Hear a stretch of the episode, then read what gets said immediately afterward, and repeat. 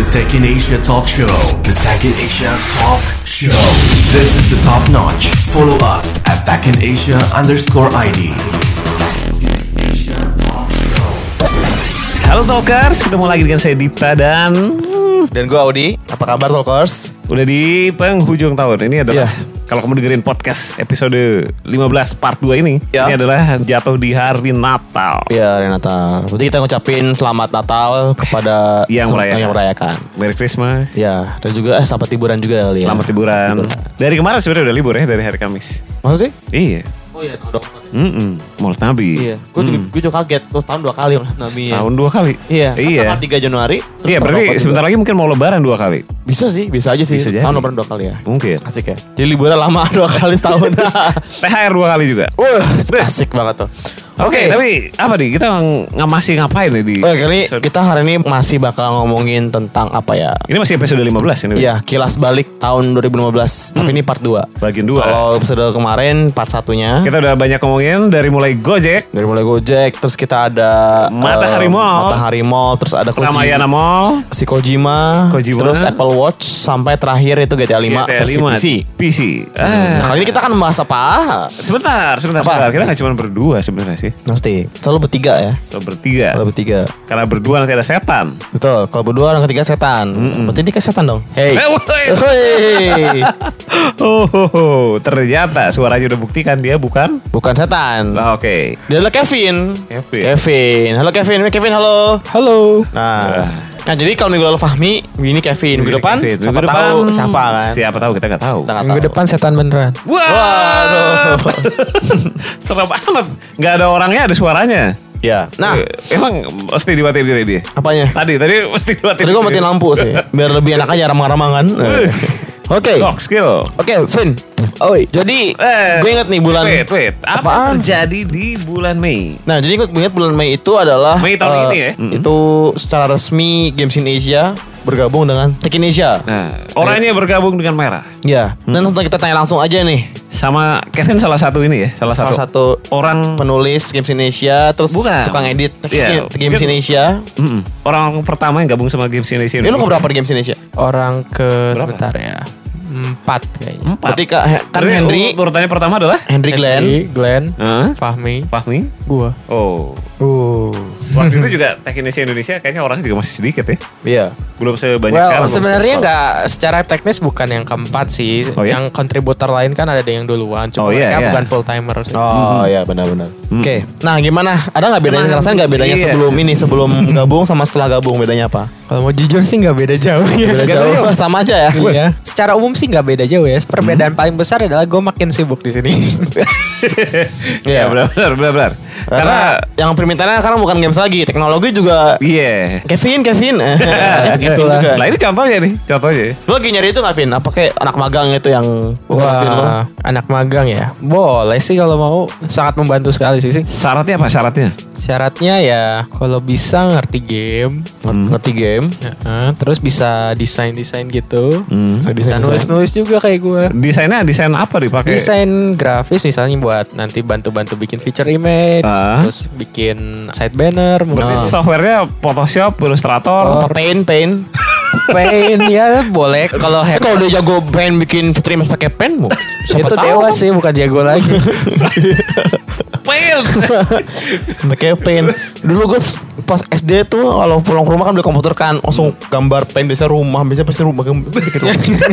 Gak pernah bikin lainnya kenapa gue bingung kenapa gue bikin rumah mulu ya kenapa gak bikin mobil gitu apa Ya kira-kira seperti itu sih. Oh, gitu. Kayak gitu ya. Iya. Tapi kenangan paling berkesan sama games Indonesia apa, Vin? Bikin majalah, Ya, pasti. Nah. bikin Imax.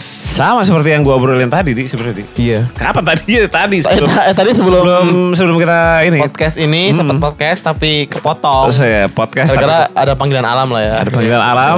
maaf, maaf, maaf. Gak apa-apa. Ini apa? Juga aja. sempat kita ngobrolin itu tadi sih.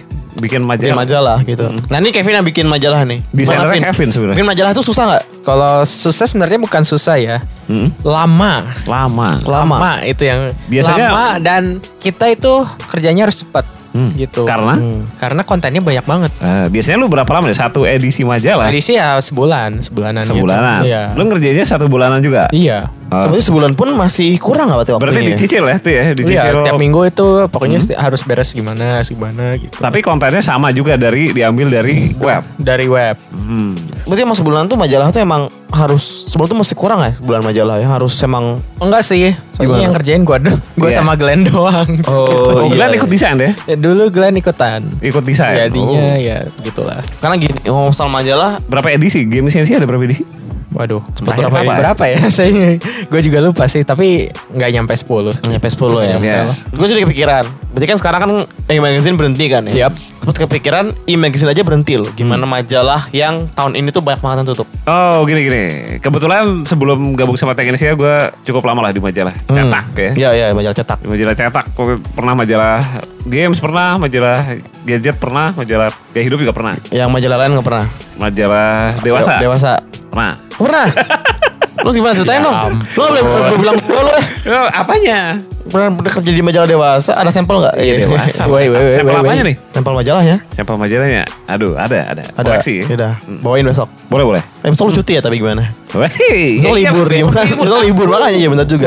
Oke, gimana? Lu tadi pernah jadi majalah cetak terus? Jadi ya kalau kita ngomongin ya, kalau kita ngomongin sekarang kan tahun 2015 nih. Ya. Mhm. Sebenarnya kalau kita ngomongin lima tahun lalu, mundur ke lima tahun lalu, sebenarnya nggak akan menyangka badannya sehebat ini. Iya ya. Budaya apaan? Lima tahun lalu majalah kayaknya masih merajalela di mana-mana. Masih masih Oh ini bencana yang melimba ini yang apa perintangannya. Masa ke emas aja, menurut gua masa ke emas adalah di sekitaran tahun 2000-an. Tahun 2000 awal. Gue mulai pelanggaran majalah itu waktu itu XY Kids.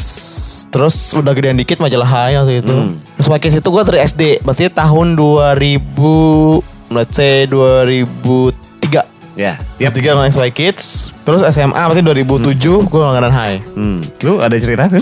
Gue sih dulu ya dari SD sampai SMA gue langganan Game Station. Nah, itu dari sekitar tahun Dari sekitar tahun 2000 sampai Nah. kemarin 2010 lah. 2000. 2000 sampai Bu, umur 8 tahun. Satu dekade. Ya bener. Umur 8 tahun. Ya eh. Satu dekade, satu dekade. Kalau gue, jadi gue ingat dulu dari ya, ya pasti dari Bobo lah. Dari Bobo ya gue. Dari Bobo, Bobo sampai sama, gadis, sama gadis. Lah. itu ada kan Bobo, ada gadis, ada. Ada, ada. Bobo sama gadis. Tapi yang gadis itu gue nggak baca secara detail sih. Oh iya. Iya. Lu gak jaga gadis Ya kan? aneh sih. Ya. Oke, terus Waktu itu selain majalah, tabloid juga cukup tabloid. pasti ingat tabloid apa? Tabloid itu kayak ya, Bukan, ya, tabloid tabloid yang kan. populer zaman lu kecil, zaman Ta- kita kecil. Tablo. Iya. Iya, tablo, tablo dulu tuh ada tablo, tablo serius. Kalau gue ingetnya fantasi dulu. Ya, fantasi. gua juga Nah, fantasi sih ingatnya. Tablo juga ada tuh tablo. Karena selain di situ ada sering ada ulasan soal Kamen Rider, RX dan Black. Fantasi ya. Heeh. ada juga ini dulu tuh ada kalau nggak cheat games buat Sega ada macam-macam lah. Ada walkthrough Hmm. juga di situ. Hmm. Kenapa kenapa tabloid belinya? Apanya? Iya, Kenapa kenapa tabloid? sekalian Kenapa langsung? nggak langsung majalah ya?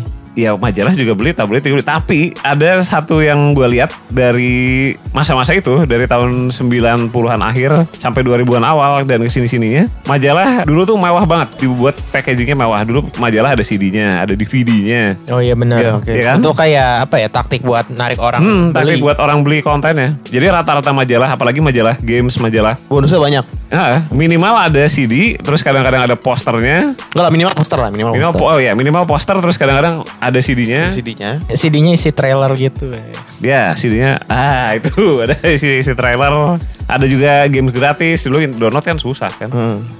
Nah sekarang kenapa Sekarang. mereka bisa beruntuhan gitu loh? Sekarang yang paling heboh menurut gua adalah di tahun 2014. Karena di tahun 2014 di saat gua di akhir tahun berhenti juga cabut dari majalah karena ada 20 media yang rata-rata media 20 judul. 20 ya 20 media Jadi apa? cetak. Media cetak. Berarti judul judul nggak? Beberapa di antaranya nama besar. hmm. Hmm. Termasuk ya tadi yang majalah yang lu pada baca mungkin Hot Game. Hot game ya, hati benar. Itu juga benar. berakhir di tahun 2014. Omega ya. Omega masih ada. PC Gamer juga berakhir di tahun 14. Eh, PC Gamer.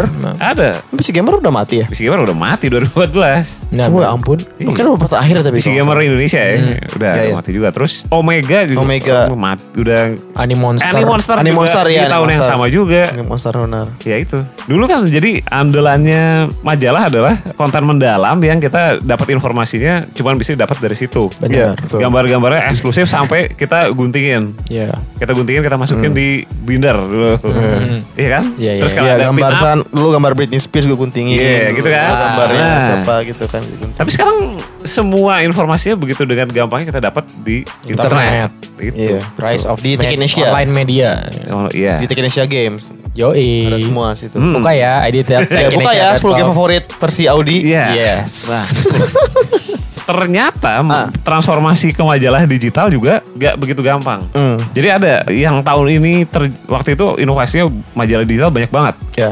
Ada yang nyoba pakai augmented reality. Hmm. Dia gabungin majalah di peralihan dari majalah cetak ke majalah digital. Digital, pakai VR gitu. Pakai iya, pakai HP dulu Pakai AR ya? Pakai AR, augmented reality. Iya. Kalau kita scan halaman majalahnya nanti ada interaksi lain, bisa ngapa-ngapain Oh iya. iya. situ. Ha. Tapi ternyata itu juga nggak sebegitu menariknya. Oke. Itu Tinggal menariknya- nunggu Hmm. pakai VR aja ini. Mungkin, mungkin. Terus majalah digital yang ada interaksinya misalnya nih, ada ulasan games, bisa klik nanti muncul trailernya, terus Hmm. klik bagian mana lagi nanti bisa dengerin soundtracknya atau apa. Ada lah pokoknya ada banyak interaksi yang bisa dilakuin sama majalah digital itu. Oke. Tapi ternyata nggak itu di nggak berhasil sebegitunya juga. Hmm. Dan itu nggak cuman di dunia teknologi dan game sih. Oke oke. Terus lama-lama ya rata-rata kan majalah itu franchise kan. Yup. Rata-rata majalah franchise, harga franchise yang nggak ketutup sama produksinya. Hmm. Makin lama makin mahal ya. Makin lama makin mahal, ongkos cetaknya juga makin mahal. Ketika terus orang juga udah nggak ya Betul. paling cuman sekedar buat koleksi kalaupun udah beli ya buat koleksi. Terus orang-orang juga mulai sadar lingkungan nih. Mm-mm. Majalah itu kan pasti menu-menuhin dulu. Iya, udah kertas, potong-potong kertas tuh. Satu lemari penuh majalah. Nah pertanyaannya kenapa yang digital juga ini? Juga ini juga nggak juga ternyata banyak nggak- digandrungi gitu. nggak banyak digandrungi. Ternyata Apa? kalau dari beberapa survei yang gue baca adalah orang makin di sini waktu untuk mengakses sebuah informasi pengen cepat. Dia pengen Hmm. dapat informasi yang cepat tanpa memerlukan waktu yang lama untuk membacanya. Bacanya menarik ya. Mm-mm. Nah kalau kayak gitu kira-kira ada efek negatifnya nggak ya? Orang cuma pengen bacanya sebentar, sebentar seperti itu. Gua ngerasa jadi apa ya? Informasinya kadang-kadang suka nggak nyampe. bisa jadi sih. Bisa jadi ya? Bisa jadi karena Tapi itu juga gini gak sih kayak gimana cara si penulis bisa memberatkan informasi gitu. Jadi bisa bisa padat informasi jadi padat. Makanya sempat ada namanya portal berita 100 kata kayak gitu kan sempat Hmm. ramai dulu kan kayak gitu kan. Tapi akhirnya ya ini lagi trennya geser lagi social news site. Ya sudah nusat betul. Salah satu yang lagi hype di tahun ini juga intinya orang nggak mau baca sesuatu yang panjang Ya.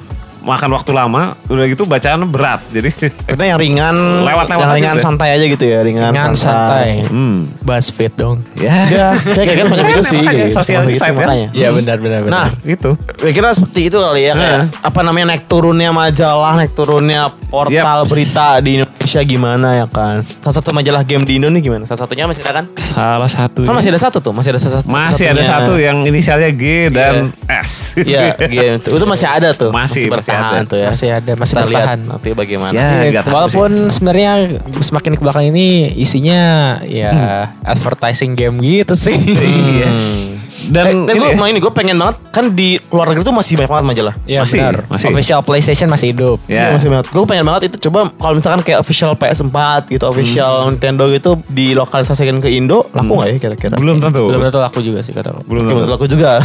Berarti emang susah ya. Iya. Kasusnya bisa jadi terjadi sama majalah-majalah franchise yang sebelum-sebelumnya ada. Oh ya benar sih, Hmm. benar-benar. Nah kira-kira ada nggak ya orang punya taktik buat naikinin majalah fisik lagi? Majalah fisik. Kayaknya benar-benar udah mati kah atau memang ini cuma mati suri? Bonusin kaos. Belum tentu juga. Makin mahal ya. Mungkin bisa dengan mungkin ya misalnya ketika ada misalnya beli game Ya. bundling majalah. Jadi Nah, itu mungkin. Itu bisa Masih- tuh, masih bisa make sense. bisa bisa. Mirip-mirip dengan Tapi ya sekarang tapi sekarang isinya beli majalah dapat game online. Ya sih kayak gitu. Tapi game online pun gratis. Itu Iya. dia yang sayangnya sih. Enggak kalau beli misalnya beli beli game PS4 misalnya atau Hmm. beli game PC Hmm. Dapat majalah. Majalah. Itu masih make sense. Ya majalah masih bisa sih. Masih majalah majalah PS-nya gitu kan. Jadi distribusinya jadi satu sama games itu masih mungkin. Ya bisa bisa. Tapi sebanyak apa yang kuat melakukan itu juga masih tanda tanya kan. Iya, Atau yang lebih ekstrim lagi ya kayak jualan ini, jualan CD. Ada. Ah, jual CD pus udah tuh udah tutup Bukan, kan? cara jualan CD kan sekarang udah masuk ke itu kan, tukang ayam itu kan. Hah? Tukang It- ayam. Itu restoran ayam. Oh iya. tuh. Oh, oke, oke, oke. Nah, bisa F- jadi. FCK. Eh, salah FCK. Bisa jadi di, Ya, itulah. dimasukin ke situ orang. Ya jadi mau beli ayam mau majalahnya kakak majalah. silakan mau majalahnya dengan harga sekian gitu. Oh. Iya, bisa jadi Bisa itu sih. jalur distribusi udah makin acak-acakan kan. Iya betul kan. sih. Emang sih emang kayak era digital itu makin berkuasa daripada era fisik. Gitu. Wih. Tapi kalau buat main game sendiri gue lebih suka fisik sih. Apanya? Iya, sama juga. Buat beli game tuh lebih suka beli game fisik karena bisa dipegang Wih. overnya gitu. Oke lanjut nih Itu udah ya ngobrolan soal ya soal gabungnya Games Indonesia dan Tech Indonesia. Hmm, Salah tuh, satu dari April panas di bulan Ah. Mei. Mei. Eh bulan Mei, bulan Mei sorry. Mei. Lan masih di Tapi bulan Mei juga ada tuh. Bulan Ada Mei lagi, ya kan lo minggu lalu sempat ngomongin tentang Gojek. Yap. Nah bulan Mei tahun ini tuh Muncul saingannya. saingannya itu Grab Bike di Grab Indo Bike. Di Indonesia. di Indonesia. Udah pernah pakai Grabback kan? Grab bike ya. Sejauh ini belum sih. Belum ya? Masih pakai Berarti lu kadang-kadang pakai- Gojek. pakai aja. Gojek? Gojek aja sih dari kemarin-kemarin. Kenapa? Kenapa? Kenapa? Kenapa ya? Karena belum sempat aja sih sepertinya. Tapi ada aplikasinya kan? Aplikasinya ada sih. Hmm. Tinggal pakai aja sebenarnya. Cuma Apa- ya akhir-akhir Apa yang bikin lu lebih tertarik atau lebih sering pakai Gojek daripada Karena waktu Grab itu? Gojek sih gua masih punya kreditnya banyak. Iya benar juga. Semenjak kredit Iya benar-benar. Lu gimana di? Gue karena gue rumah gue jauh, Hmm? Tangerang, dia pakai Gojek. Gojek. Waktu itu Eh, juga. tapi kayak udah dengar udah mulai dari Jabodetabek deh kalau setahu gue. Apanya? Grab Bike. Oh iya. Baru ya kemarin. Grab bike kayak kemarin Baru- baru, baru. ngomongin ya. Hmm, baru banget katanya. Mungkin bakal coba sih. Baru-baru lagi, ini. yang bikin gue bingung pakai Grab Bike adalah Hah? ini kode-kode diskonnya tuh bingung. Oh karena ganti-ganti setiap bulan. Ganti-ganti mulu ya makanya gue tanya lu terus kan Dip. Iya, iya. Eh kita kodenya apa sekarang? Grab Bike gitu kan biar murah gitu. Ah, Jadi ini orang dua Kevin dan Audi lebih sering pakai Gojek. Iya. Kalau gue mungkin ya Gojek lebih sering layanan kurir. Kurirnya. Oh iya benar. Grab bike, Grab bike ya seperti biasa sih gue. Waktu itu pas berbarengan dengan Grab bike layanan Grab taxi juga promonya masih lumayan. Jadi Iya ya, benar. Tetap pakai taksi aja sekalian. Ah, bingung. jarang, sangat jarang gue cobain nih layanan Dan ini. yang gua agak bingung itu kenapa Grab bike ya warnanya mesti sama kayak Nah itu, Gojek. itu juga yang pertama gue lihat pada saat dia, dia launching Ya, gua tahu gitu. Grab bike itu divisinya dari Grab Taxi gitu. yang kode warnanya kebetulan ya, sama sama kebetulan Gojek. warnanya kebetulan warnanya sama banget. Tapi kenapa nggak diganti gitu? Jadi orang Kalau juga sama agak- banget enggak sih Ben? Kayaknya lo lihat hijaunya beda sedikit sih. Iya, tetap hijau kan. Gojek Hijau. itu hijau terang.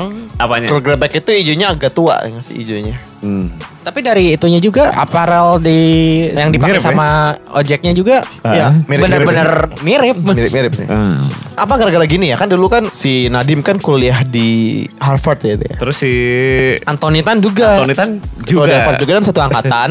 Terus mereka berteman. Hmm. Ah. Jadi dari kayak itu si Nadim sama Anthony Tan itu pas kuliah tuh mereka berteman. Terus Jadi- sering ngobrolin bisnisnya. Pada si, waktu itu ya? Si Nadim ngobrolin tentang bisnis Gojek, Ah. Ojek, si Anthony bisnis taksi. Oh.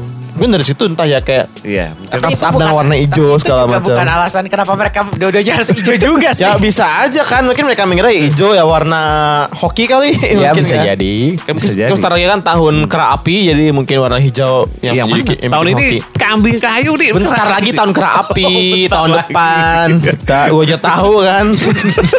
oh. Kira kau tahun ini kerapi. Tahun ini tahun ini Udah kuda kayu kan. Kambing kayu. Kambing kayu. Eh, iya kambing kayu. Kambing kayu. Iya iya ya. Kambing kayu. Gak tahu gue gak pernah. Kalau yang sebelumnya tahun kambing, yang 2014. Hmm. 2014 kambing ini kambing kayu. Ya masa sih saya tahu lu. Kambing kayu beneran, cek aja gak percaya. Googling aja googling kalau gak percaya. Kambing Udah, nggak kayu. usah deh, usah di googling. Tapi yang aman. tahun Apa? depan monyet depan api ya. Kera api, monyet api. Terus setelah Grab Bike Hmm? muncul di Jakarta nih, si Gojek Ekspansi ke kota-kota lain menurut ya? Langsung gitu ya? Dia langsung ekspansi ke Ya kota lain. dalam waktu berdekatan dengan itulah. Hmm. Mereka langsung kayak secara nggak langsung ya kompetisi gitu, kompetitif. Iya, benar. kayak si Gojek Ya. rekrut Oh pengemudi. belum, belum. Waktu itu promo dulu, promonya saingan promo. Dulu udah sama-sama 5 ribu. Benar, Oh ya, benar. tapi bedanya kalau si Gojek bisa antar lintas kota ya kan? Mm, Tapi atas kota. Maksudnya berdasarkan jarak. Iya. Kalau Grab Bike berdasarkan kota. Maksudnya? Iya, Oh, kalau Grab Bike kan cuma. Jakarta aja. Iya. Iya benar. Kalau di Gojek lu bisa Tangerang Jakarta, bisa yang penting Oh, iya. oh, begitu. Gua kira Jakarta Bandung atau Wih, Gila aja. Bisa aja sih 25 Bisa aja. kilo turun, 25 kilo turun, bisa eh. aja. Tapi waktu zaman promo-promonya baru, Hmm. Ada loh, ada orang yang sempat cobain kayak gitu. Jadi dia stop begitu berapa kilometer promonya habis, stop turun, order lagi. Wah, orang Stop ada turun, aja caranya order ya. lagi. Stop turun, order lagi. Wah. Kita itu. tinggal nunggu orang yang beneran nyoba dari Jakarta ke Bandung pakai Grab bike gitu ya. Jakarta Jogja, Jakarta Jogja gimana? Wah, gila juga sih. Gitu. Nah itulah dia bulan Mei ya Bulan, Bulan Mei itu bener-bener kayak apa ya Kayak gebrakan banget sih di dunia startup teknologi tuh khususnya transportasi. ya. Transportasi Apa ojek pangkalan juga lagi rame kan bulan Iya, itu kan. pada waktu itu. Ada Grabback, Gojek segala macam gitu. Nah, terus lagi rame lagi Juni Ah, itu muncul apa asisten Pribadi pribadi virtual. virtual. Itu yang pertama kali Yes Boss. yes boss. ya. Yes, boss. Yes Boss. Nah, Yes, boss. Waktu awal munculnya, gue sih nggak, dia bakal cukup hype seperti sekarang. itu cukup cukup gede makanya dari awal Tapi- kayak gue juga bilang kayak Waktu pertama kali Hmm. muncul, lu kebayang gak sih apa yang dia tawarkan? Waktu pertama kali muncul yang gua di pikiran gua adalah ini layanan buat orang males. Oh, layanan buat orang malas. Beneran. Ya iya sih. Ya pengennya disuapin terus kan. Pengennya Tolong dong beliin ini. Nah, oke bos nanti saya Ap- kirimkan. Ah, Iya. apa ya? Lu bilang apa tadi? ya kurang lebih sama kayak gitu sih. Kalau tapi Eh. kalau gue kayak yang gue lihat adalah satu, ini adalah kayak nawarin jasa asisten. Jasa asisten. Ya, I mean dulu kayak gue adalah gue kayak punya Mindsetnya butler kebayang, kan? sendiri Hmm. gitu. Hmm. Kayak gue bisa nanya apa sama mereka, tapi ternyata dia mau fokus ke pemesanan aja gitu. Uh, Ya karena emang dulu juga pernah sih kayak dulu juga pernah pas gue bikin tulisan di Tech in Asia ada komentar bahwa Yes Boss itu kayak kita nanya ke asisten gitu kan nanya tentang soal pelajaran tapi? Yes Boss belum bisa ngasih belum sih belum bisa jawabannya. ngasih, Iya, cuma bisa sekedar pemesanan aja. Dan mungkin bisa aja nanti di ke depan ke depan segala macam. Mungkin, tapi ngomong-ngomong itu ya, kalau tadi Kevin bilang ini layanan buat orang malas, Ah. Mhm. ternyata ada startup yang idenya dan gue lupa namanya. Mungkin lu ingat waktu habis startup arena di Tech Indonesia Jakarta 2015, Hah? ada yang tebak mana yang startup beneran mana yang bukan. Lu ingat gak ada yang jasa Oh ya jasa. Oh here comes the plane. Here comes the plan. Tahu Here nggak? Vin? comes the plane. Tebakan kalau denger namanya dikira-kira itu apa? Gak tahu juga sih apa ya. Here comes the plan. Itu startup aneh. Jadi itu, tapi jadi itu tuh startup ya. Ah. Kalau kita pesan layanannya, Oke. kalau ada orang datang ke rumah kita nyuapin kita. Ah, Iya kan kayak gitu, kayak kayak anak kecil Serius? kalau dikasih ini nggak susah makan, kayak main pesawat pesawatan Ya, gitu kan. oke. Ah, Dia gitu. sekarang talkers bisa nyari di Google. Here comes the plane. Startup. oh here comes the plane. Here Iya. comes the plane. Gokil tuh. Itu Oke. part dari menurut gua salah satu part dari layanan asisten pribadi virtual sebenarnya kan. Ya Hmm. pastilah. itu beneran datang atau gimana? Beneran datang beneran. Itu bukan virtual dong. Beneran itu beneran datang. ordernya tapi kan lewat oh iya sih beneran Nih. bukan virtual sih. Iya benar-benar. www.herecomestheairplane.co Asisten pribadi ya. Iya, tapi ya, masih ada satu di ya. US, masih ada di US. Kocak Iya, juga, di US Itu dia gila. Kalau misalkan sendok makan, Eh. sendok makan ya dia 3 sampai 6 makanan 20 dolar per minggu. ah, Kayak gitu. buset. Per minggu 20 Nah, dolar. sendoknya juga macam-macam ada sendok teh, teh, sendok sendok makan, sendok sup, sendok kayak sup. gitu. Uh, Iya, udah. Sendok semen nanti ada juga. Jadi kalau kamu capek makan sendiri, Hah? disuapin aja. Buset, gila. Udah ya. nggak bikin malas kan? Gila, bener. Ternyata Oh. kemalasan itu bisa dijadikan bisnis ya, lahan bisnis yang Ternyata sama. ini, Bisa. ini. Tapi kalau waktu gue ngobrol sama si Irzan Raditya, Hmm. si founder Yes. Boss, memang kenapa dia bikin layanan asisten pribadi virtual? Karena ya itu orang Indonesia lebih cenderung suka di serve, Nah, To serve, betul. di serve. Nah, gara-gara itu juga ada satu entrepreneur lagi yang juga bikin Layanan layanan serupa. serupa. Namanya Diana. Eh, Halo Diana. Halo Diana. Halo. Halo Diana. Itu muncul ya beberapa bulan setelahnya lah. Hmm, September kalau nggak salah waktu itu. Buatan Ryan Godokusumo. Iya, yang dulunya Yang di seribu.com. Seribu dan seribu.com. Iya. Hmm.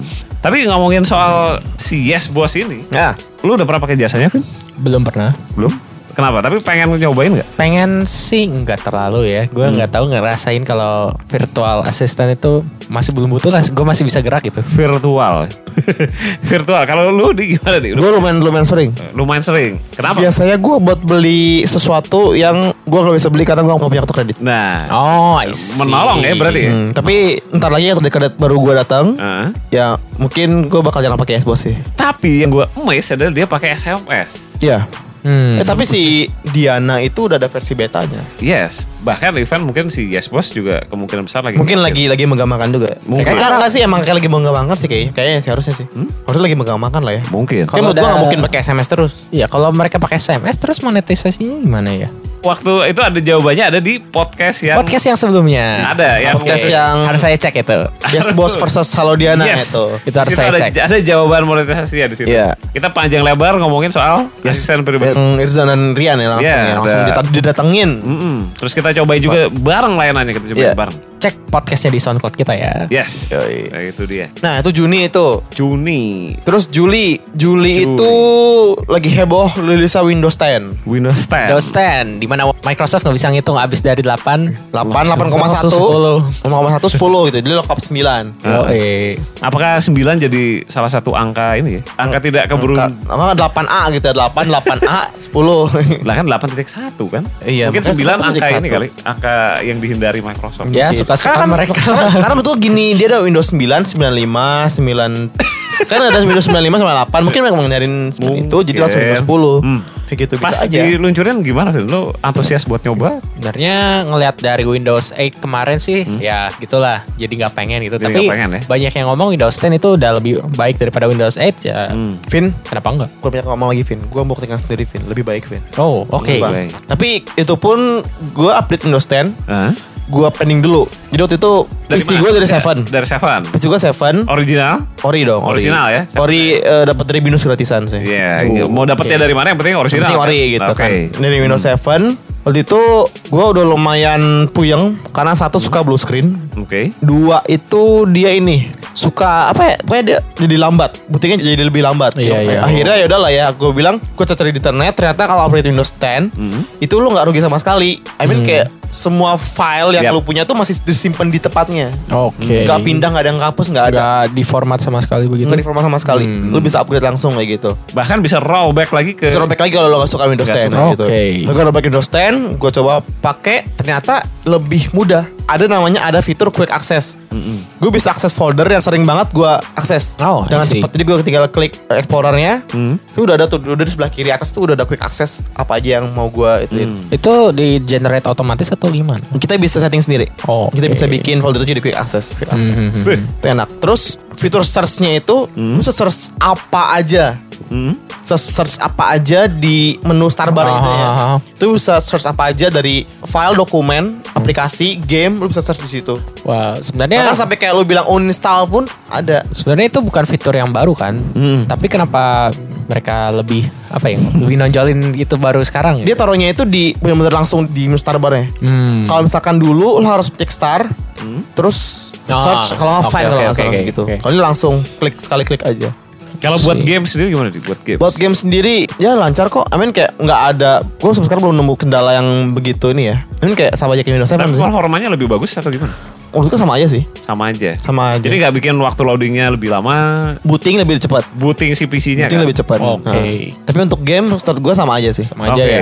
Ini Soalnya rata-rata sama itu ori ya. Oke. Gamer juga. Sama itu ori. Kalau misalkan bajakan setiap tahu gue dengar dengar gue bajakan itu kerekan jamu. Jamunya itu tuh Oh. belum bisa kompatibel sama Windows 10. Jadi ya makanya beli ori, beli ori lah ya bagaimana. Iya. Wait, wait. Di rumahnya Kevin ada PC juga kan? Ada. Ada. Ada. Pakai Windows berapa?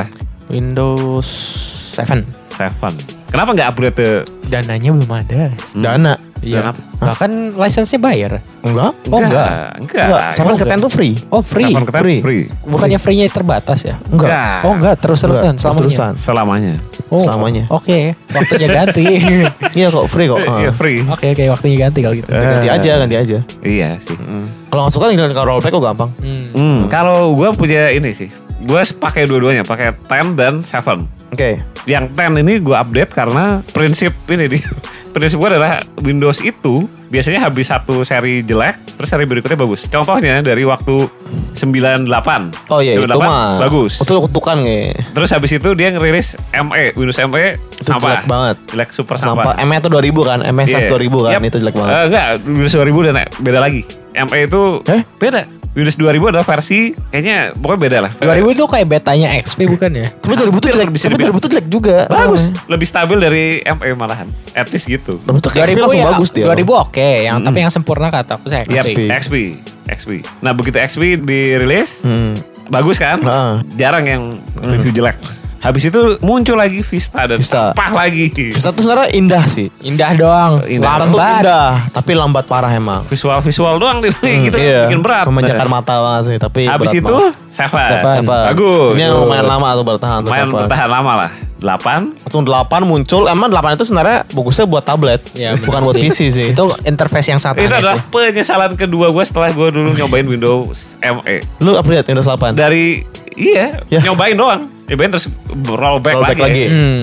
Itu penyesalan kedua setelah konyol dulu di Windows apa 98 di upgrade MP itu adalah penyesalan pertama gue terus gue mengulanginya lagi di Oke. Windows 7 upgrade Windows 8. Hmm. Nah, tapi ketika 8 ke 10, feeling gue mengatakan ini bagus. Harusnya setelah di 8 dia jelek, di 10 harusnya nggak nggak jelek lagi. Ternyata benar sih, 10-nya nggak etis nggak banyak masalah seperti di 8. Berarti kemungkinan besar setelah 10 Wah, ya ini makanya udah. Maka- Tapi terus denger gue 10 itu terakhir sih. Jadi kayak kalau mereka ada update, update itu langsung gede. Jadi emang apa ya namanya? pelan-pelan Periodik gitu, periodik heeh. gitu ya. Ya memang zamannya kayak gitu sih. Kayak gua sekarang pakai Adobe juga pakainya kayak gitu kan. Ya betul, kayak- sistemnya update. Iya kayak Mac juga kan mereka nggak Ya, pernah Mac juga. pernah berubah total Iya. nanti pelan-pelan Masih Dari- OS X sekarang Hmm. juga. Mm-mm. terus dari Android juga kan 5, koma ini 5, koma ini bisa Iya. langsung ke 6, 6, koma ini, 6, koma ini nggak langsung sporadis ganti, Betul. bret muncul. betul betul kan Windows 10 udah enak banget tuh fiturnya tuh kayak udah Betul. asik banget Hmm. kira tuh bakal pindah nggak ya ke, bakal dari Mac bakal pindah ke Microsoft nggak ya pindah ke Windows nggak ya Sebenarnya kalau gua sih pengennya pindah. Hah? Pindah? Nah, Iya. pengen pindah, Vin. Pengennya sih pindah. Kenapa? Kenapa? Karena Bukannya Mac dirancang buat kebutuhan multimedia dan desain ya? buat ngedit video kayaknya kurang cukup sih kecuali iMac Oh, yang harganya nggak kira-kira. Yang cuma Berarti yang lebih cuma ke- beli layarnya doang ya. Iya. Lebih karena ini kali ya. Berarti lebih karena device-nya bukan OS-nya ya? Iya, Tapi, Atau kayak juga? tapi gini dengan harga yang sama, bahkan bahkan mungkin setengah harga iMac bisa buat bikin PC Windows yang Bisa buat buat multimedia. editing. Oh ya? Iya. Tapi Gitu. kalau kata temen gue yang main audio, dia audionya si Mac itu Oh udah iya, dari soalnya Mac punya drivernya itu driver audionya beda sendiri nah, kan. Lebih gimana? bagus. Kalau Ya. kan lu juga ngedit audio juga kan sebenarnya. tapi kayak lu bisa beli sound card, men. Iya sih emang kayak gitu, tapi Mm-mm. toh Beda tapi tetap gua gua lebih fokusnya ke arah gambarnya Oh, sih. Jadi oke. bukan ke audionya. Kalau audionya ya seadanya juga seadanya udah juga cukup ya. Yang pakai Mac buat audio itu biasanya yang orang rekaman, Mm-mm. buat lagu, buat Nah, musik. musisi lah. Iya. Pasti ya. Kita kan jurnalis. Kita jurnalis ya. Jurnalis ya. Ya, jurnalis nggak apa-apa sih pakai Mac Oke. juga. Iya, Ah. Kalau lu gimana, Di? Lu lu kan pemakai keduanya sebenarnya kan? Iya, bagi kedua. Mm-mm. Ada laptop cadangan, ada laptop Windows. Ada laptop 8, Windows 8. Point one, belum gua update. Itu kenapa gak lu update? Takut gak kuat? Nggak males. Males. Itu mau update, kapasitas kurang, kurang gede harddisk gua. Ya. Kayak gue ada install Dota deh gitu. Oke, Ya gue hapus dulu sih nanti. Oke, gue pakai dua Mac ini enak banget buat multitasking. Yap, Hmm. benar. Gue kayak lu pencet F3, F4 lu buka banyak tab pun banyak aplikasi itu dia masih lancar Hmm. gitu. Tapi untuk buat main game ya, Hmm. Ya, ya berharap banyak. kita berharap banyak sih. Jangan berharap banyak. Berharap banyak. Terus game tetap sih tetap PC dan PS4 gua di rumah. Jadi gue tetap pakai dua, ya asal beda-beda. Mac itu lebih enak buat kerja. Ya. Hmm. PC itu enak buat Buat hiburan. Ya buat hibur entertainment nonton video, dengerin dengerin full dengerin HD. lagu, stand up juga enak juga sih. Mac juga enak ada iTunes. Sebenarnya walaupun di Windows juga ada. sih. Iya kan? Iya, ya buat main game buat Kayaknya enak aja sih gitu. Udah nyaman, Mac itu nyaman buat kerja. pakai. Sedangkan Iya. Windows lebih multi-purpose gitu. Betul. Emang udah biasa kalau dia dari kecil pakai Windows buat main Buat game. segala kegiatan kita, kita Iya. tugas pakai Windows. Makanya gue udah juga udah kebiasaan bangun tidur pasti dengan komputer. Hmm. Ntar pas komputer kayak nggak tahu mau ngapain gitu. Akhirnya oh ya buka Chrome, terus tuh oh ya buka Tekinesi segala macam kerjaan segala macam gitu sih. Ya gitulah tuh kira-kira ini Windows. Windows, itu. ya. Nah, Satu topik lagi kali ya? Satu topik, lagi, topik masih oke nih? Masih lah ya. Masih oke, Masih oke, masih oke. Satu, satu lagi lah. Topik lagi itu kita bakal bahas di Agustus. Agustus kan oh bulannya apa ya? Hari kemerdekaan. Akhirnya kemerdekaan kita. Yuhu. Akhirnya bangsa Agustus. Tapi di bulan ini momen teknologi dan dari tadi teknologi mulai gamesnya belum muncul. Oh tenang, ada nanti pasti ada. Jadi pokoknya eh, ya pokoknya sebuah bilangnya startup kali ya dengan ya. Si Ya studionya ini, Nah, studio apa dulu nih? itu dia yang bikin ini yang bikin film Battle of Surabaya ini. Ah, Ah, I see. Battle of Surabaya. Surabaya. Kevin nonton nggak? Battle Nggak. of Surabaya? Hah? Sayangnya enggak. Saya enggak. Lu nonton gak di? Enggak. Enggak. Ini kenapa kita tiga orang Entah ya, karena setelah setelah Fahmi nonton? kan Fahmi nonton. Hmm. Fahmi nonton terus dia review, gue jadi oke. agak malas. Bukan artinya gue nggak menghargai karena anak bangsa ya, tapi Karena anak bangsa kayak itu dong layanan ojek online itu. Ya itu karena anak bangsa gitu kan. Mulai, mulai. Tapi bukan karena itu, jadi emang menurut gue adalah yang enggak gue tonton gitu. Nggak pengen nonton berarti ada alasan dong kenapa? Ya karena reviewnya Fahmi. Karena review Fahmi, Fahmi. itu tadi ya. Ya gitu. Kalau kenapa Vin? Belum sempet aja. Sempat. lu bakal beli ininya gak sih? Misalnya dia muncul di iTunes, lu bakal nyewa atau nanti beli Blu-ray-nya kali Nyewa sih kayak. nyewa di iTunes. Iya. Mungkin gini, nah, Kevin nyewa gue ikut nonton. Jadi numpang nonton Iya, aja. eh, lagi. Numpang nonton nyewa satu ya nonton bareng. Terus direkam. Ampun. Eh, Nggak boleh. eh, no, no, no. Apalagi karena jangan jangan jangan, jangan ditiru. Gue ya nyewa nonton bareng. Kayak mungkin dalam batas nyewa. sempat lihat trailernya? Paling nggak trailer dilihat dong, Fir. Iya pasti ya. Trailernya oke loh. Kualitasnya gimana dari Tra- kualitas bagus. animasi? Kalau buat Dar, kalau dari trailer ya, Hmm. gue lihat animasinya sih udah ya untuk ukuran Indonesia udah top lah, Hmm. udah oke banget. Mm-mm. Tapi Tapi ya pasti ada tapi ya. tapi di luar itu kayak mungkin ini masih trailer sih jadi gua nggak lihat sepenuhnya tapi dari voice acting masih kerasa ya kurang mengena lah soalnya Ah. gimana ya gue sendiri masih ngerasa kalau film animasi yang Hmm. di Indonesia itu belum banyak dan gua nggak yakin apakah Battle of Surabaya ini bisa dibilang yang voice actingnya yang termasuk bagus Hmm. jadi gua nggak yakin gitu aja sih Tapi kalau kata Fahmi yang bagus itu ada dia Fahmi itu nulisin ada empat hal yang bagus. Satu pembuka penutup. oke Kata bagus. Kedua itu musik. Mhm. Kata musiknya kata lumayan bagus. Oh, musik eh lumayan. Malah kata dia bagus. Hmm. Ketiga itu narator. Oh, Naratornya yang bikin filmnya jadi bagus. oh I see Kayak gitu. Keempat terakhir ini kualitas visual latar jadi latar belakang Ya, visualnya itu yang backgroundnya bagus gitu. bagus gitu. Ya mungkin Tapi- gara-gara trailernya ya, jadi gua nggak tahu naratornya. Nah buruknya ini buruknya kayak satu ada transisi adegan. Jadi kayak penyampaian ceritanya itu buruk. Amin kayak ya kalau kita nonton sendiri kayak gini deh kayak pokoknya dari yang gue baca di reviewnya Fahmi ya. ya. Banyak hal yang tidak tersampaikan dengan baik gitu loh. Jadi kayak misalkan Mungkin gini, ini ada dua si siapa Yuna, Mhm. Yuna ya namanya ya. Yuma, Yuma apa Yuna sih?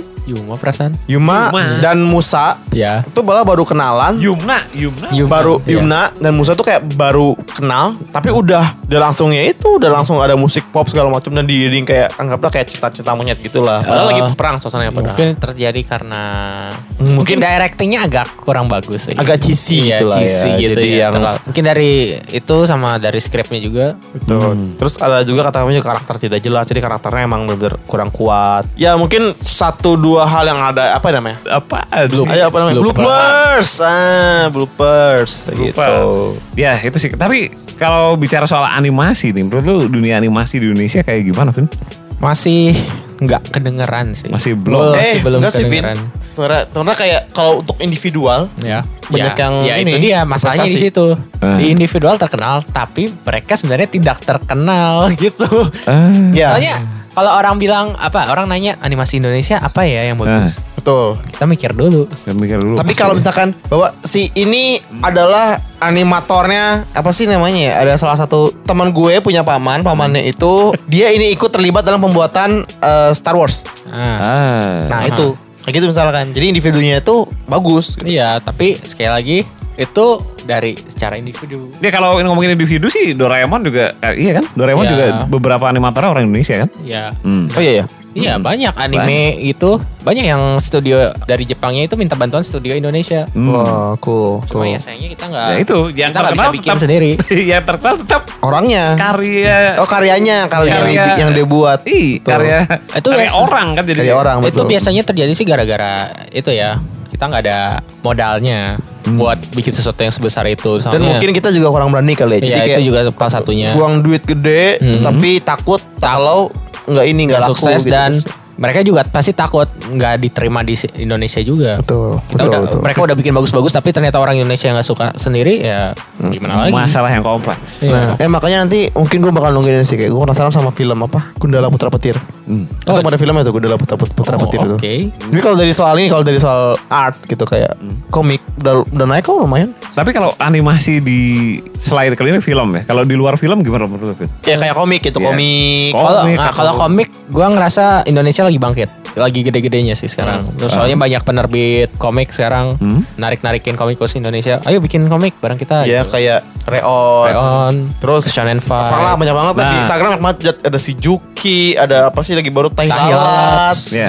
Apalagi sih ada lagi tuh apa Ghosty komik Iya, gitu. Ghosty kayak gitu. Lagi Ampun, lagi suka banget baca komik-komik yang ringan-ringan yang dari Indo Iya. yang asli gitu. Tapi sayangnya sekali lagi di sini apa ya? Mereka masih kerjanya dalam ranah yang bisa dibilang kurang ambisius. Side stream, Masih kurang ambisius Iya ya. kurang bisa masih yang ya kita bikin kayak gini setiap hari lah satu-satu Eh. gitu supaya oh iya banyak yang suka. Tapi mereka belum bikin sesuatu yang wah saya bikin karya ini satu benar-benar epic, benar-benar luar biasa gitu. Eh, belum ada yang berani gitu. Eh, tapi kayak Juki udah pernah deh beberapa kali gak sih? Hmm? Dia kan punya beberapa komik tuh terbitin komik. Itu masih ya maksud gua nggak ngenanya nggak secara mainstream gitu sih gua maksud gua. nggak massive dan dia masih kalangan terbatas lah. Ya. Oh gitu, oke oke. Kalau bisa bikin sesuatu yang benar-benar meledak gitu. Nah, Gua meledak. tapi ya kalau ngomongin Apa? animasi lokal, ini kan animasi lokal baru ya. Hmm. ya. Begitu ngomongin animasi lokal, gue ingat ada film film buatan studio Jogja, film pendek tapi ada VCD-nya dan dijual di toko apa? Obat. Toko VCD. Toko VCD. obat.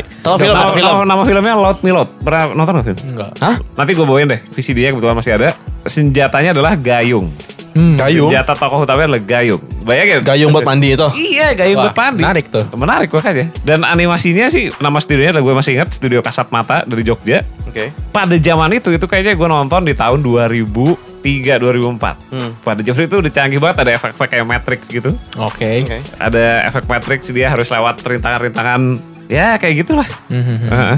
Untuk sebuah film pendek yang dikemas secara serius, kemasan VCD-nya juga nggak sampah sih. Bagus lah secara ini Mhm. Niat lah ya. niat. Tapi sayangnya ya itu cuman mandek di situ terus dia dapat penghargaan beberapa penghargaan di luar terus udah Ya. nggak ada update terus Soalnya menjadi ya, apa gitu nggak. Ya gimana ya bikin film animasi itu bisa dibilang lumayan mahal. Nah itu dia. Itu Surabaya aja 5 juta USD. Iya. 5 juta USD. Modalnya tuh. ya. 5 juta USD. Dan 5 juta USD ya kualitasnya ya paling pol ya. Begitu segini. itu. Lu bayangin gimana kayak ya at least yang 2D Studio Ghibli aja. Dibeli Berapa gua. tuh? Jangan tanya deh itu sudah melebihi budget.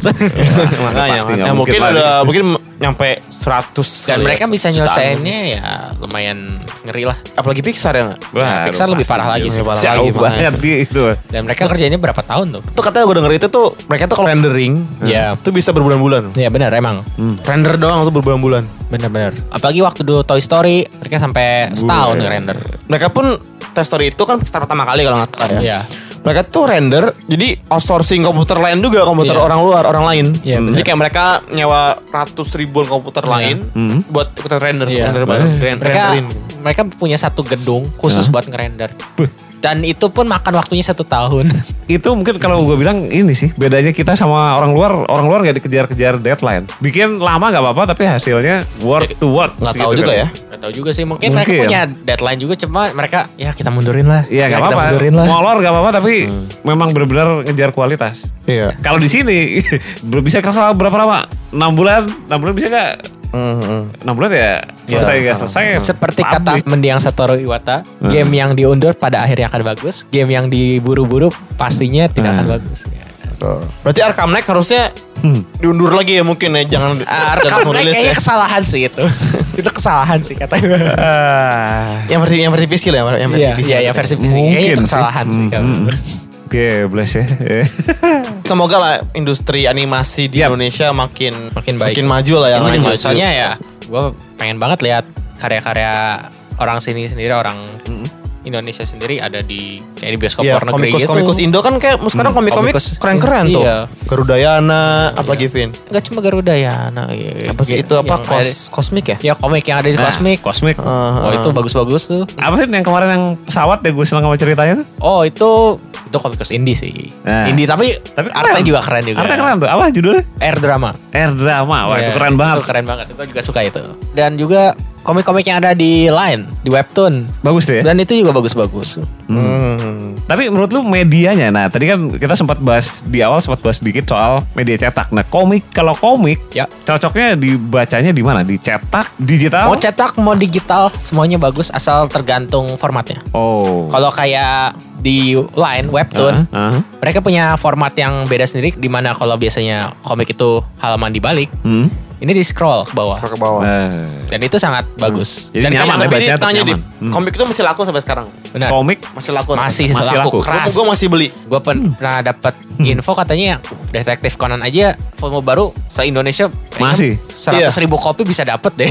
seribu kopi. Seratus ribu. Seratus Ah. kalau seratus ribu dikit banget. Seratus ribu. Yang suka Conan. Iya benar. Itu rilis, gue beli. Bahkan kayak waktu itu gue Wait, wait. gue tiga bulan ke toko buku sekali ke toko buku langsung beli tiga tiga, Tiga- tiga nomor tiga iya, nomor, tiga nomor. Conan Iya. iya. Jadi konon sampai sekarang tuh masih gue baru Masih baru- ada belum tamat. Ya mungkin sejuta mungkin satu juta kopi bisa dapat lah. Iya, satu juta kopi kayak bisa sih. Oke. Nah, Conan tuh udah sekarang udah 87 87 87 dan udah mulai kelihatan sih endingnya. udah mulai kelihatan Oh jadi endingnya kayak gimana. Bukan never ending stories kayak Doraemon berarti. ya? Kalau dia ada endingnya kok. Ada. Ada ending, pasti ada endingnya. Yang belum ada endingnya One Piece. Unik sih. Belum ada endingnya. One Piece itu kata si siapa? Oda. Mm-mm. Kata si Oda pun dia bilang bahwa ini tuh baru setengah perjalanan Luffy. Tapi gini, komik ya, kalau singkat gue dulu komik tuh harganya 3 ribuan, 3.500. Sekarang udah berapa? Enggak, gue pas pertama kali pas gue liat komik tuh udah gue udah tujuh ribu. 7 ribu. Nah, berarti naik udah naik dua kali lipat. Terus sekarang udah kayaknya udah Dua puluh ribu. Dua puluh ribu. Ya, 20 ribuan. Dua puluh ribu. 10 ribu terus 15 terus akhirnya sepuluh ribu, sebelas ribu, lima belas. Itu yang udah gue punya lima belas ribu. Enak dua puluh ribu lagi. Aduh. Majalah komik bisa sampai 50. Kayak Ah. Shonen Fight. Majalah komik Nah. ya? Majalah komik betul. kalau majalah komik masih laku tapi. Oh, sangat. Apa ya? masih sangat. Berarti I mean sekarang majalah komik cewek Nakayoshi aja masih laku banget. Nah, ini masih ada. Nah, Masih. Oh, masih ada. berarti segmen ini segmen media cetak yang Benar fokus hiburan. Iya. mungkin, nah itu mungkin bisa jadi kalau ada pelaku mungkin pelaku startup yang mau bikin Iya. bisnis baru di bidang Hiburan. hiburan, Cetak. nah ini Hiburan cetak. bisa di bisa didengerin nih. Kan hiburan digital juga bisa. Ya, bisa. di Jepang pun setahu gue banyak kok perusahaan-perusahaan yang nerbitin komik tapi digital Oh, itu dia. dan komiknya beda sendiri tapi tetap bagus. Atau cetak tapi distribusinya digital. Nah, mungkin itu juga bisa. pemesanannya digital. Atau harus- pas kayak mungkin chapter-chapter awal masih digital tapi begitu udah jadi berapa puluh chapter jadi Nah, buku. Nah, ya, itu, itu juga bisa. kenapa enggak? Bisa sih, Banyak bisa, ya kayak bisa. gitu. Heeh. Wah, Di luar negeri kayak gitu sih kebanyakan. Ya itu dia. Eh, Ternyata ya. Jadi kalau tadi awalnya kita ngomongin majalah cetak udah mati. Apa pun yang dicetak mati. Ternyata ada Ternyata ada. satu Iya. produk ini. Ya, Komik ya itu. Ya, itu tumben ya, komik. Kita, kita ngomonginnya ber, ada bobotnya. Bobot- Tumben Padahal gak ada pahami loh padahal. Tumben-tumbenan gak ada paham kita bisa ngomong. Iya, oke. Yang ada bobotnya gini. Berarti ada lah. Berarti kita menutup dengan cetak dan tutup dengan cetak lagi tadi kan. Iya. Nah, kita nggak break juga tadi. Tapi gak apa lah. Jadi kan ada cafe jadi lebih rame. jadi lebih ada insight-insight baru. Iya kita nggak break deh. Jadi spotnya dimasukin ke mana? Ya udah habis ini aja lah. Ya udah oke betul. Ya, habis ini aja. Jadi masih ada satu part lagi dari Tech Indonesia Podcast. Yang bakal rilisnya itu pas tahun baru. episode 15 eh, rilisnya kalau tidak ada halangan tanggal malam tahun baru. Malam tahun baru. tanggal 1 dong. Malam tahun baru.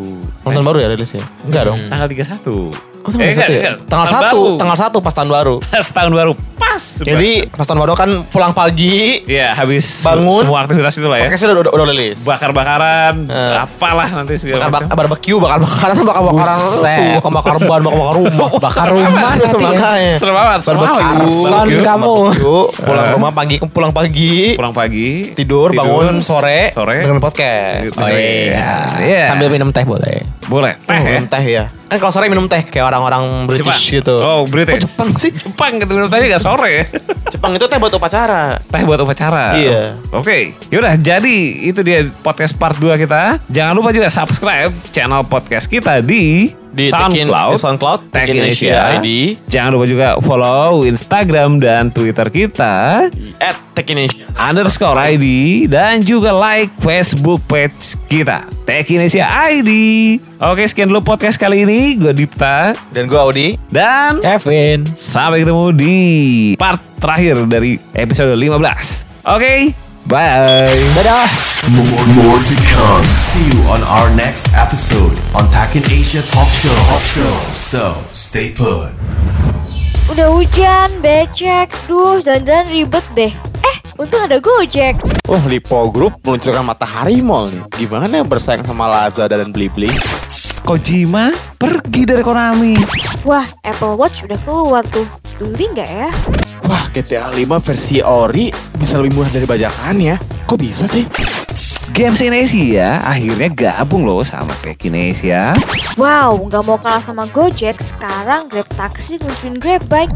Wih, canggih juga. Sekarang pesan apa-apa bisa lewat SMS berkat Yes Bos. Windows 10 baru dirilis. Gimana ya nasib pengguna Mac? Wow, ada Battle of Surabaya. Ini nih film kartun bikin anak bangsa. Kayak gimana ya? Wow, Nexus 6P, Nexus 5X. Wah, excited. Indonesia bakal punya loh sistem rating game sendiri. Kayak apa ya serunya konferensi Tech Indonesia Jakarta 2015? Hmm, jadi penasaran. Game anak bangsa akan liris di PS4. Gimana nih nasib Kojima sekarang? Itu semua akan dibahas tuntas di Tech Indonesia Talk Show dalam edisi spesial menyambut tahun baru.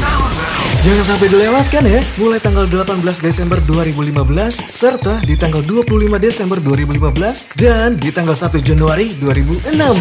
Tech Indonesia Talk Show edisi spesial menyambut tahun baru. Seru banget.